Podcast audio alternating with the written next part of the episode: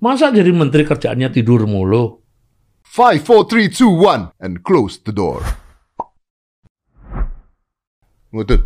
Ngutut ah. Iya, hanya orang-orang sehat yang merokok. Hmm. Nanti diserang, di komen diserang Mas Butet, diserang habis-habisan kita itu. Ada yang menyerang, Hmm. ada yang memuji. Saya yakin Menteri Keuangan pasti akan memuji. Karena Karena sumber keuangan negara ini salah satunya dari cukai rokok. tapi Menteri Kesehatan nanti, Ya, Menteri Kesehatan nanti. ya nggak apa-apa. Itu artinya perimbangan di dalam kehidupan. Oh iya. Ada yang menghujat, membenci, tapi ada yang tepuk tangan menyukai rokok. Oh iya, iya betul, betul, betul. Karena rokok itu adalah indikasi sehat dan tidak. Indikator kesehatan untuk Betul. saya. Untuk saya ya. Untuk ya, saya. ya, ya. Jadi kalau saya ngerokoknya udah nggak enak, oh berarti saya sedang ada masalah dengan kesehatan. Iya, kok iso ya? Sakit. Kok iso ya? Lu kalau mau flu itu rokok nggak enak. Loh kalau mau flu tuh ya, rokok itu nggak ada rasanya. Iya. Ya toh. Mm. Makanya waktu COVID itu aku bingung. Orang-orang bilang makan nggak ada rasanya. Loh nggak usah COVID. Flu ya nggak ada rasanya kok. kalau, udah mampet tuh nggak ada rasanya. Ampuh ya nggak kerasa pak. Oh, no. rokok ya nggak kerasa. Dan biasanya kalau udah nggak ada rasanya tuh, dua hari setelah itu terus demam. Berarti sekarang sehat. Sehat. Makanya iso ngerokok. Iya. Oh. Keluar dari rumah sakit tiga hari yang lalu, habis operasi, pekerjaan pertama yang kulakukan adalah menghi- menghirup kesehatan lagi. Karena Raisa rokok nang rumah sakit. Iya. Saya patuh sama rumah sakit. ini banyak yang nggak tahu loh Mas Butet ini baru keluar dari rumah sakit operasi loh. Iya. Jadi kena eh, saraf belakang ya. Iya. AMP ya. Saraf kejepit. Saraf kejepit. Hmm. Pakai tongkat lagi. Ya kan acting, aktor kan harus acting. Cuman sing lucu begitu datang tadi. Ternyata operasi mahal ya. Asu. Gak usah disebutkan jumlahnya, pokoknya mahal banget Mahal gitu. Ya. Lah, kan ada BPJS, Pak. Nggak laku. Oh, Untuk nggak laku? operasi saya ini, saya udah tanya, ternyata nggak berlaku. Ada asuransi yang lain yang berlaku, tapi itu jumlahnya nggak bisa mengcover kewajiban bayar saya yang kemarin. Nggak apa-apa. Saya bilang istri saya, ya anggaplah ini kalah main kasino. Ntar Tuhan ngasih duit lagi. Kok bisa udah laku? Gimana ceritanya? Kan penyakit toh. Nggak tahu. Mungkin nggak mas nggak eh, nggak tercover kali ya, yang saraf kejepit itu. Eh, padahal nggak bisa jalan loh itu, Pak. Kalau Iya. nggak dioperasi lumpuh kan. Ya, ancamannya saya tanya dokternya kalau tidak segera dioperasi, saya hanya merasa nikmat ketika duduk saja. Berjalan sama sekali tidak enak. Anda bisa bayangkan saya dengan mobilitas seperti ini jadi pemain teater, aktor, bisa main film tiba-tiba nggak bisa jalan. Asu toh? Oh, iya. Jadi udahlah. Saya investasi. Investasi. Investasi. Cik. Duit nanti cari Duit lagi. gampang. Cari lagi. Iya. Nanti kalau sini saya ngendam ke Deddy Corbuzier kan masa nggak bantu aku? Hmm. Tapi kok dari rumah sakit langsung nyari rendang ya, Pak ya? Sari rendang. Cari rendang. Aku nonton di YouTube mulu, Pak. Oh ya, Iya. Oh, sini makanan kabeh. dan enak-enak semua Dan dan full kolesterol. Full. Karena makanan yang enak banyak kolesterolnya. Jeruan. Uh. Gak apa-apa, sehat. Tapi Dan- tetap sehat. Dan tidak ada orang mati karena kolesterol. Tidak ada, betul. Ya, Tidak ada mat- orang mati karena merokok. Tidak ada. Orang mati karena kehendak Allah. Kok ketawa? Saya ngomong seperti ini ya karena yang saya hadapi seorang mualaf. Saya malah newbie loh, bro. Jadi, jadi masih baru loh. Malah newbie loh. Mati karena kehendak Allah ya. Iya. Bener, bener. Aduh, saya tuh ngundang tuh pengen ngobrol. Mau ngobrol apa? Jangan yang sulit-sulit. Enggak yang gampang. Ngobrol apa ya? Indonesia. Wah, Nah, kemarin kan Pak Jokowi baru ke Jogja. Disambut dengan tarian. Terus dipermasalahkan yang mempermasalahkan itu yang kurang kerjaan. Saking begonya nggak bisa membedakan Petruk sama Pinocchio. Ya saya anggap saja mereka itu yang memasalahkan itu adalah orang-orang yang butuh panggung. Hmm. dahaga tepuk tangan. Ingin, Dahaga tepuk tangan. ingin ditepuk tangani. Ingin ngadu Butet sama Jokowi. Ini Butet kurang ajar. Hmm. Ya, saya kan juga tidak tidak butuh ditepuk tangani. Udah ini loh hal yang biasa saja. Orang nari petok tariannya bagus, koreografinya bagus, karya si Anter itu. Saya lihat itu di medsos tiga tahun yang lalu dan nempel banget. Jadi ketika ada rencana Pak Jokowi berkunjung ke Padepokan, Langsung ya, tarian Petro. Iya, dan itu bukan tarian dari karya murid-muridnya Pak Bagong. Maksudnya karya internal kami, tapi karya dari Anter itu penari Padepokan, tapi juga aktif di luar. Jadi saya tidak memilah, tidak memprioritaskan orang-orang dalam, Hmm, hmm. tapi karena tarian itu bagus, dicipta oleh Anter. Oh, saya langsung hubungi Anter. Saya ingin tari yang itu dimainkan di depan presiden. Mumpung presiden datang ke Bantul. Oh. Tiba-tiba digoreng kok. Wah, ya. Orang-orang yang Ya, haus toh, tepuk tangan. toh. Tapi kenapa ya Pak? Kenapa sekarang semua digoreng ya? Hmm? Kenapa sekarang semua digoreng? Anda kan sudah melewati beberapa presiden kan? Ya tadi itu. Apa sama semuanya begitu? Dari dulu semuanya begitu? Enggak juga Enggak. dong. Enggak dong. Cuma gorengnya rada-rada bodoh lah. Nggak cerdas. Oh iya. Penggorengannya nggak cerdas. Misalnya kayak sekarang yang barusan ini, ini kan penggorengan yang jahat. Iya. Misalnya Roy Panci yang tempo hari pernah jadi menteri itu yang mengaku pakar telematika itu. Kemarin ada para syuhada, patriot-patriot bangsa tenggelam dengan kapal selam. Lalu dia membuat satu pernyataan yang sangat menusuk perasaan orang. Itu kan dia sebenarnya cuma ingin cari panggung. Tapi kehilangan ukuran Hmm. menurut saya. Apa nyari panggung? Ya. Ngapain nyari panggung? Ada harapan kah? Politisi. Loh iya, tapi apakah ada harapan ke depan gitu? untuk memojokkan kepemimpinan nasional hari ini. bukan untuk dia menjadi sesuatu. Emang mau jadi apa? Nah ya makanya kalau ti- kalau tidak mau jadi sesuatu ngapain nyari panggung? Nyari panggung itu kan artinya mau menjadi sesuatu, Pak, baru nyari panggung, Pak. Ya mungkin karena dia GR, Nah, merasa penting, merasa akan menjadi sesuatu, tapi caranya itu sama sekali tidak Indonesia banget, tidak Jawa banget, kehilangan ukuran-ukuran kemanusiaan. iya, Orang gugur iya. sebagai patriot bangsa. Apa pun siapa pun mereka, kalau sudah kehilangan nyawa, Ya udah. selesai. Iya udah. Kita Menghormati, menghormati. menghargai, betul. Oh, nyawa hilang. Iya. Kok bisa-bisanya? Bekas menteri loh. Kualitasnya itu menteri loh dulu itu. Aku cuma jadi abal-abal kayak gitu gimana? Saya sedih. Bu, oke lah kamu butuh panggung. Kamu merindukan tepuk tangan banyak orang ini. Tapi mbok ya cakep pakai cara-cara yang mencerminkan keberadaban manusia gitu loh. Hmm. Saya sedih. Loh. Tapi kok bisa?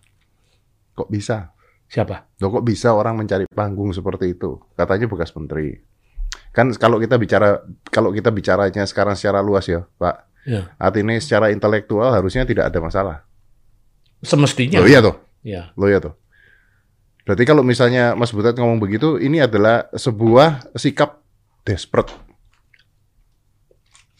Apa itu? putus asa. mungkin kalau dia menyadari itu putus asa bagus. Persoalannya dia menyadari. Kan kalau secara intelektual kan ngerti nggak lah ayo ayo toh. Intelektual kelas panci.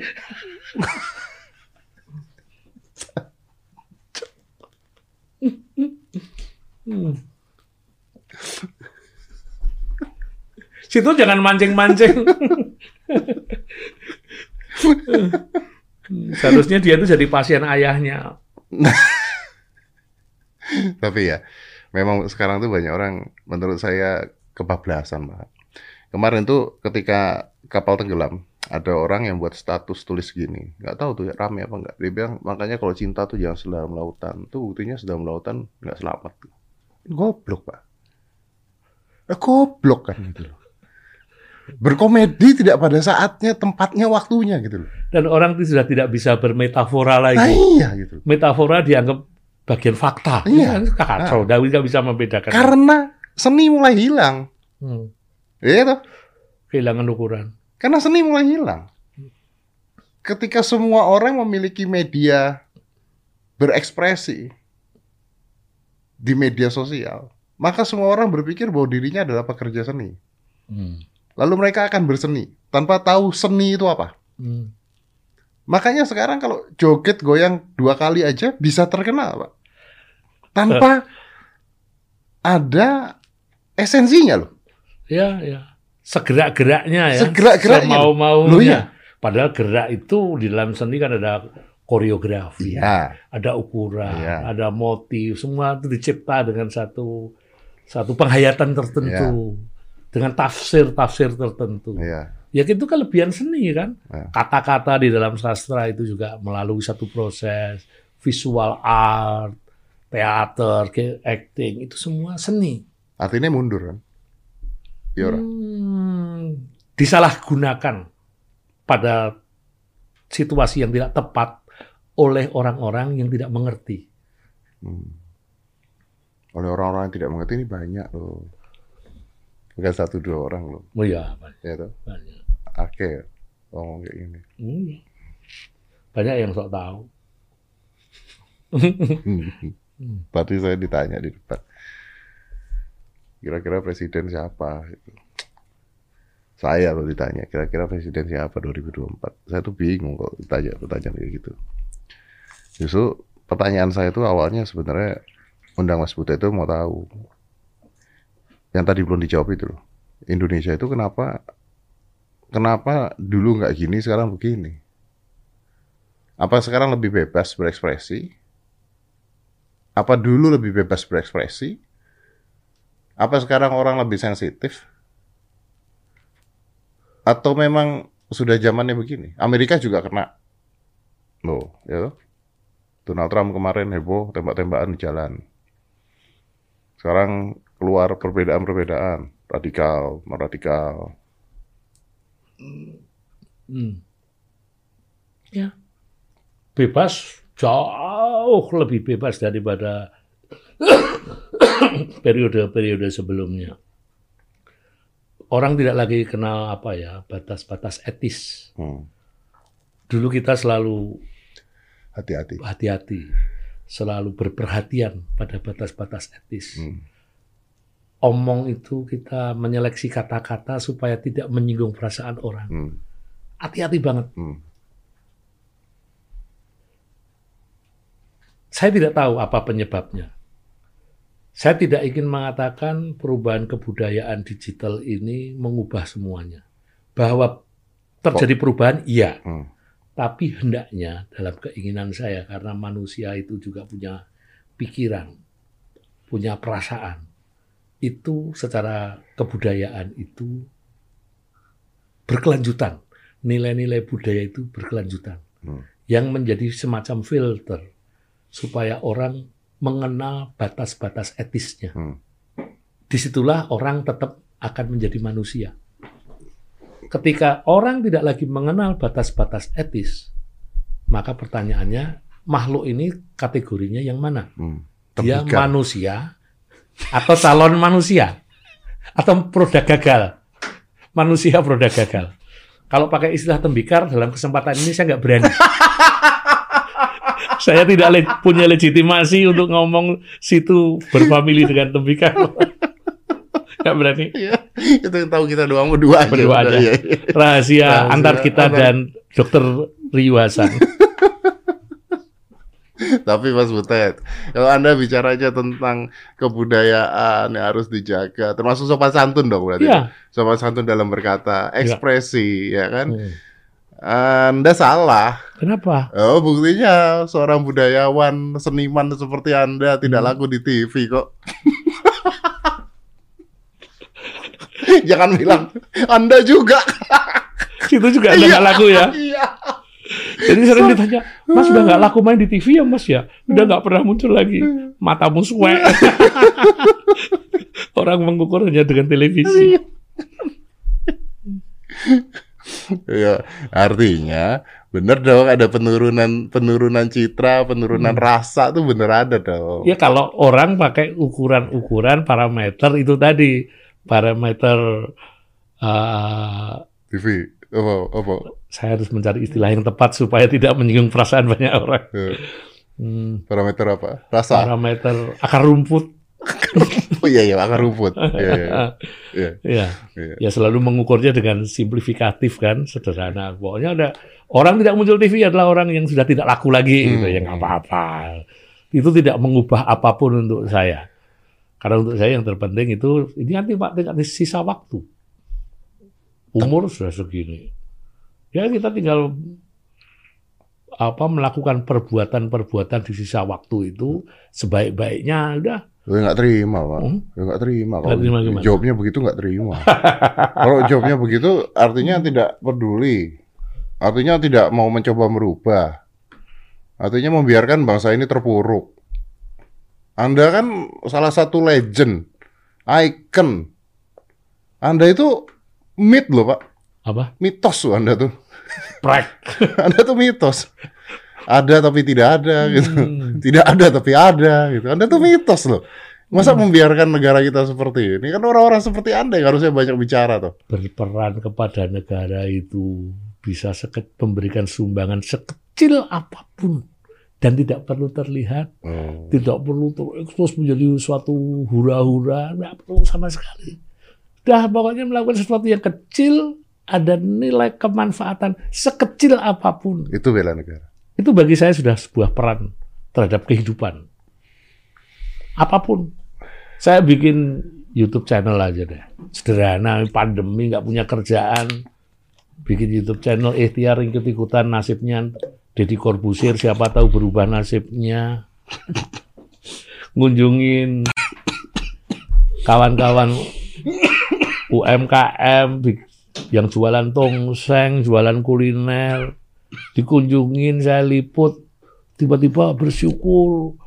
Mas pendapatannya melimpah sekarang mas. Kemarin kalau aku bikin tongseng itu cuma 6 6 kilo daging sekarang 12 kilo. Ah bagi saya udah cukup.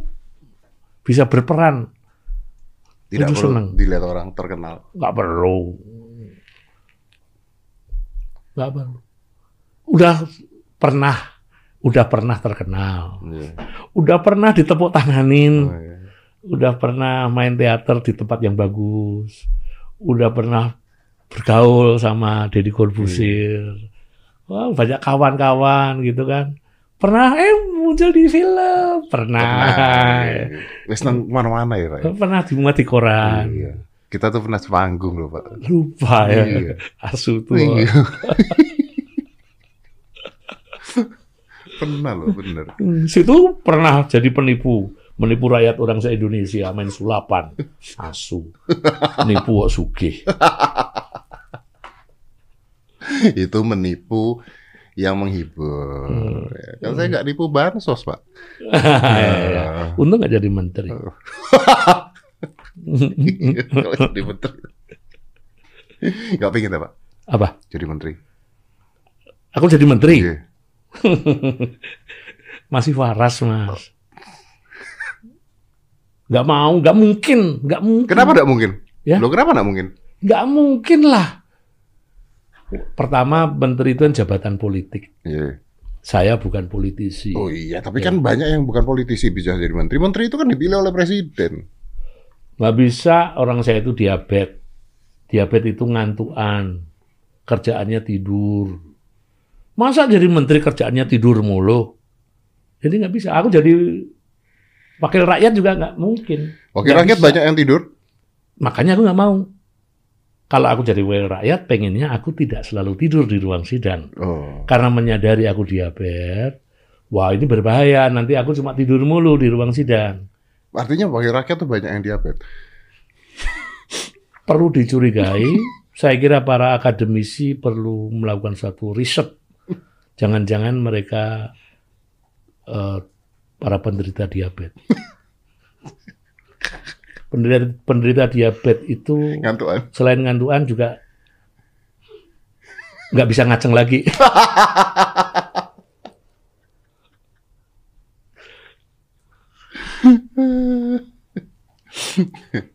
Mas, Ya. aku tuh pengen tahu, apakah sekarang tuh kan kan kan baru ketemu Pak Jokowi. Ya tempo hari di Iya, Jogja. gitu. Apakah sekarang itu orang sudah nggak takut sama presiden ya? Nggak takut. Iya. Biasa. Loh, kalau dulu kan takut, Pak. Dulu kan takut, ngomong sembarangan, wus. Oh gebok. Iya.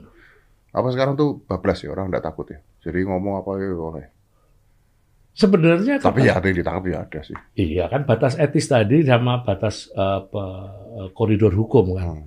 Kalau kita ngomong sebia wajar-wajar saja ya apa salahnya nggak ada. Kita bisa ngomong santai.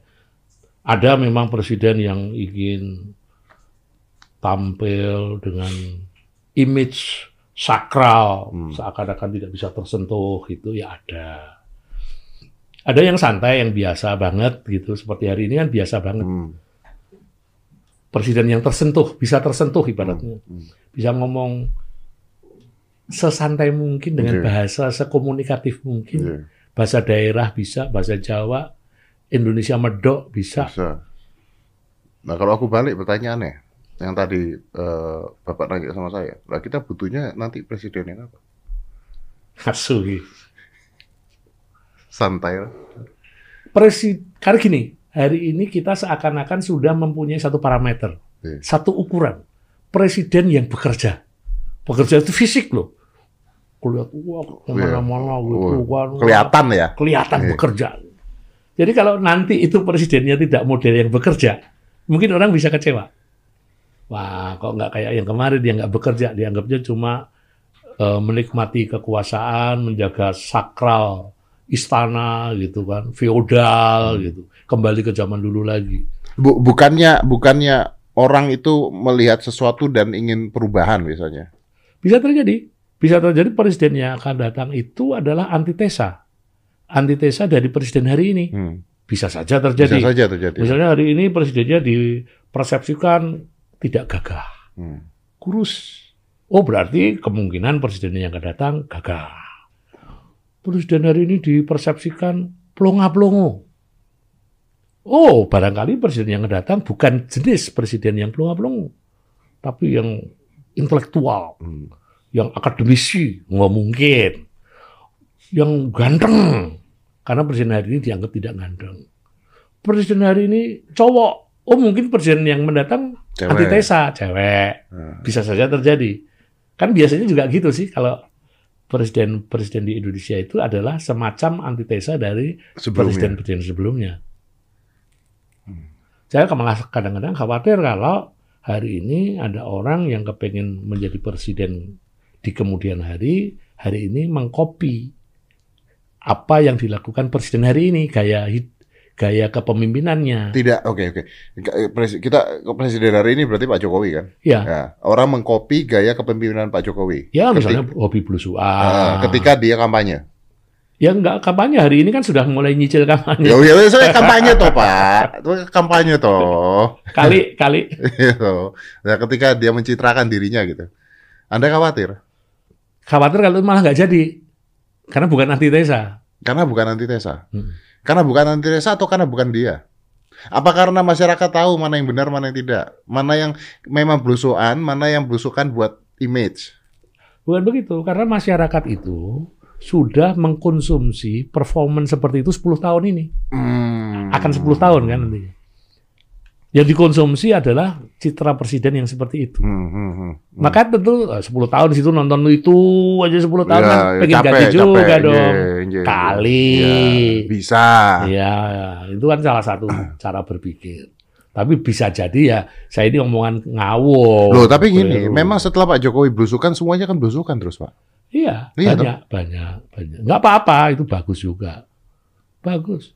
Karena langsung bisa ketemu ke akar rumput, bisa menggali aspirasi di Hmm. level bawah langsung, itu bagus. bagus.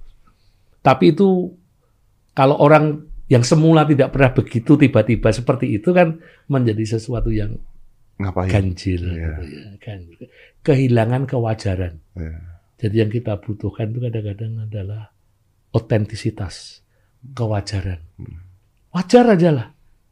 Kalau aku tiba-tiba ngomongnya tidak sengawur ini, berarti aku tidak wajar. Misalnya aku ngomong, "Eh, saudara Deddy Corbuzier di dalam menjawab pertanyaan-pertanyaan saudara. Ini kan nggak wajar ini. Artinya ada sesuatu. Palsu. Ini berarti aku Iya. sedang Kelihatan ya. kelihatan goblok. Five, four, three, two, one, and close the door.